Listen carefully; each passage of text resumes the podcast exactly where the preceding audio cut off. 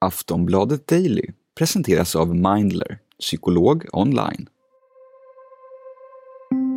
Vi har rapporterat mycket om mäns våld mot kvinnor de senaste veckorna. Vi har pratat om män som dödar kvinnor och om kvinnor som behöver hjälp och stöd.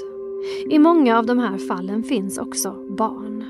Barn som ser och hör och upplever och som kanske själva är utsatta för både psykisk och fysisk misshandel.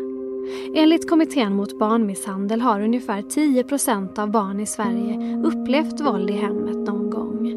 5% har gjort det ofta. Och enligt BRIS senaste rapport har pandemin förstärkt barnens utsatthet. Under 2020 ökade samtalen om fysiskt och psykiskt våld markant. Isoleringen, den sociala distanseringen och den minskade insynen har inneburit fler tillfällen för barn att utsättas för våld, antingen mot dem själva eller mot en förälder. Så vad säger barnen själva? Vad gör samhället för att skydda dem och vad kan vi som vuxna göra om vi tror att någon far illa? Det ska vi prata om i dagens Aftonbladet Daily. Jag heter Olivia Svensson. Dagens gäst Malin Räcker psykolog på BRIS. Och hon får börja med att berätta hur stor del av de som hör av sig till BRIS som har upplevt våld i hemmet. Vi vet att det, och det här är ju eh, konstant eh, när barn söker till eh, stödet. De kan ju chatta, smsa, mejla och ringa in till stödet till BRIS dygnet runt. Och vi vet att det är det tredje största ämnet som barn tar upp, att bli utsatta för våld och övergrepp i hemmet alltså av vuxna, framför allt i hemmiljö. Och då gäller det ofta föräldrarna som utsätter barnen på olika sätt. Att de kanske att de utsätter varandra för våld och på så sätt så eh, upplever också barnet våldet och då blir barnen också utsatta. Eh, vi vet också att det är många barn som lever med våld i hemmet som själva blir direkt eh, slagna. Jag tror det är upp mot 70 procent av de som ser och hör om de vuxnas våld eh, som också blir direkt själv också utsatta för fysiskt våld. Mm. Och vad är det då som ni får höra när barnen berättar för er i samtal med, med dem eller när de ringer in? Vad är det de har sett och upplevt?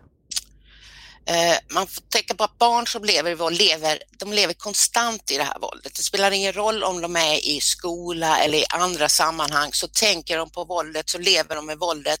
Det här är en väldigt, väldigt stress att under ibland hela sin barndom leva med sådana höga stressnivåer där man måste anpassa sig, man måste vara, gå på tå, man måste vara eh, på hugget, alltså man måste hela tiden veta eller försöka skydda sig själv, vad som kommer att hända, man försöker räkna ut, de barnen som jag har pratat med mycket eh, i intervjuer, bland annat hur det är att leva i våld, har berättat om att de är väldigt, eh, alltså de är hela tiden inriktade på att skydda, att eh, hindra, att på olika sätt har de strategier att försöka få det här att upphöra. Ingen accepterar våldet av de här barnen som kontaktar BRIS och de jag har pratat med, utan det är mer en känsla av att man, att det är man själv som ansvarar över att man själv måste göra så mycket för att få det att upphöra och samtidigt så kan man inte få det att upphöra. Så det är en väldig ensamhet de här barnen lever i, för de känner inte att de blir så trodda på eller bekräftade eller att någon andra vuxna frågar, undrar, lyssnar på en. Utan det är snarare en, eh, att man känner att man själv försöker som barn få vuxna att reagera och berätta, men eh, att vuxna inte eh, tar ofta barn på allvar i det här är det extra svårt kanske också med tanke på att det är då det handlar om familjemedlemmar som de också älskar. Alltså det handlar om en mamma eller en, ja. en pappa. Det måste ju vara ett extra stort steg för dem att höra av sig tänker man. Ja, man kan, ofta så föreställer sig vuxna ju att barn har så svårt att berätta om att de är så lojala, att de håller tyst. Alltså min erfarenhet i alla fall är snarare att vi vuxna runt omkring eh, framförallt eh, ger inte de förutsättningarna. Vi gör inte, barn, vi gör det inte möjligt för dem att berätta för vi frågar inte utan det är ju upp till oss. Det är vi som har ansvaret runt omkring att bjuda in, att göra barn delaktiga, att lyssna in. Det är inte barnen själva som ska liksom formulera vad de har varit med om och att de ska veta vem de ska söka hjälp hos eller vad de blir utsatta för.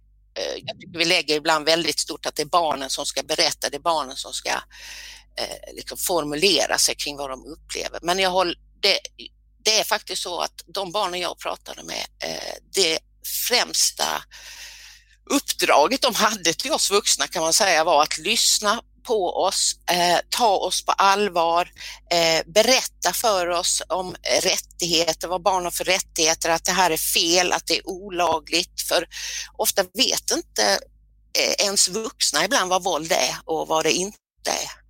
Så jag eh, uppmuntrar verkligen Eh, alla att eh, på något vis, som man säger, ta kontakt med barn, fråga, undra och sen ta, ta det här på allvar och eh, låt deras röst bli lika viktig som de vuxnas röster. Mm, mycket bra råd där. Det har ju rapporterats väldigt mycket nu i medier kring mäns våld mot kvinnor och hur det påverkar kvinnor. Märker ni någonting av att det skrivs mycket om den här typen av ämnen när ni jobbar med barnen hos, på BRIS? Ja, det är ju så att de här samtalen är konstanta på något sätt. Alltså våldet pågår hela tiden, det är barnens vardag. Så ofta märker inte vi av trender och det som uppmärksammas i media i barns samtal, inte på kort sikt i alla fall. Det kan ju vara så i lång, på lång sikt så ger det eh, bra verkan genom att man ger det mycket uppmärksamhet. Men man märker ofta inte det i barnens egna eh, berättelser för de lever i, i nuet och det är deras vardag. Så det är inget nytt för dem. Nej, och nu har det ju varit, eh, vi har levt över ett år med en pandemi där många har varit ganska instängda i sina hem. Det är social distansering och, och isolering. Hur har det påverkat situationen för de här barnen? I BRIS har vi ju märkt att eh, de här samtalen kring våld och, och både fysiskt och psykiskt och övergrepp har ökat med ungefär eh, 30 till 40 procent. Så det är ju en rätt så stor ökning. Och vi har, vi har ju tänkt kring, är det, mycket tänker vi så att det är barn som redan lever i våld som nu lever, har det blivit ännu, liksom har trappats upp våldet. För nu kommer man inte undan på olika sätt som man kanske gjorde förut. Att man kunde vara hemma hos kompisar, man var i skolan på ett annat sätt, aktiviteter. Nu är man mer fast i hemmet och då, då blir det mer tydligt med det här våldet och att man inte kommer undan. Så det har ökat, eh, absolut. Vi ska snart prata mer med Malin Räcke på BRIS, men först några ord från vår sponsor. Skulle du vilja prata med en psykolog men vet inte riktigt hur du ska göra? Mindler är en digital vårdgivare där du fritt kan välja bland 300 psykologer och prata online via videosamtal eller chatt. Ett samtal kostar 100 kronor. Du är garanterad en tid inom 24 timmar och genom hela din behandling kommer du att få träffa samma psykolog. Via Mindler-appen kan du även ta del av ett stort antal självhjälpsprogram. Läs mer på mindler.se. Så då är vi tillbaka och innan vi pratar med Malin Räcke igen så ska jag läsa upp några barns vittnesmål om våld i hemmet. Flera gånger har jag trott att mamma har blivit dödad. Vi har hittat henne medvetslös på hallgolvet och då blev jag så rädd så att jag inte kunde röra mig. Jag kan inte prata med mamma eller pappa för de blir bara arga och ledsna. I skolan är jag ensam och arg och de säger bara att jag ska skärpa mig. Ingen verkar bry sig. När pappa är arg hotar han mig och mamma hela tiden och säger till mamma att han ska döda henne och förstöra hennes liv och mamma vågar inte säga något. Jag försöker vara så snäll jag kan och inte klaga och sånt men det hjälper inte. De här berättelserna är tagna ur verkligheten från barn som kommit i kontakt med BRIS. Så vad gör vi som samhälle för att skydda dem? Vi hör Malin Räcke. Jag tycker att det finns mycket, mycket mer man kan göra och det är ju på alla nivåer. Eh, Dels så behöver man, det finns eh, klara och tydliga lagar. Jag tänker barnkonventionen är lag nu också så man skulle kunna gå mycket mer på barns rättigheter och stärka barns juridiska ställning. Att deras eh, åsikter och upplevelser och vad de tycker och tänker och hur de vill ha det, det ska tillmäta samma betydelse som vi gör med vuxna.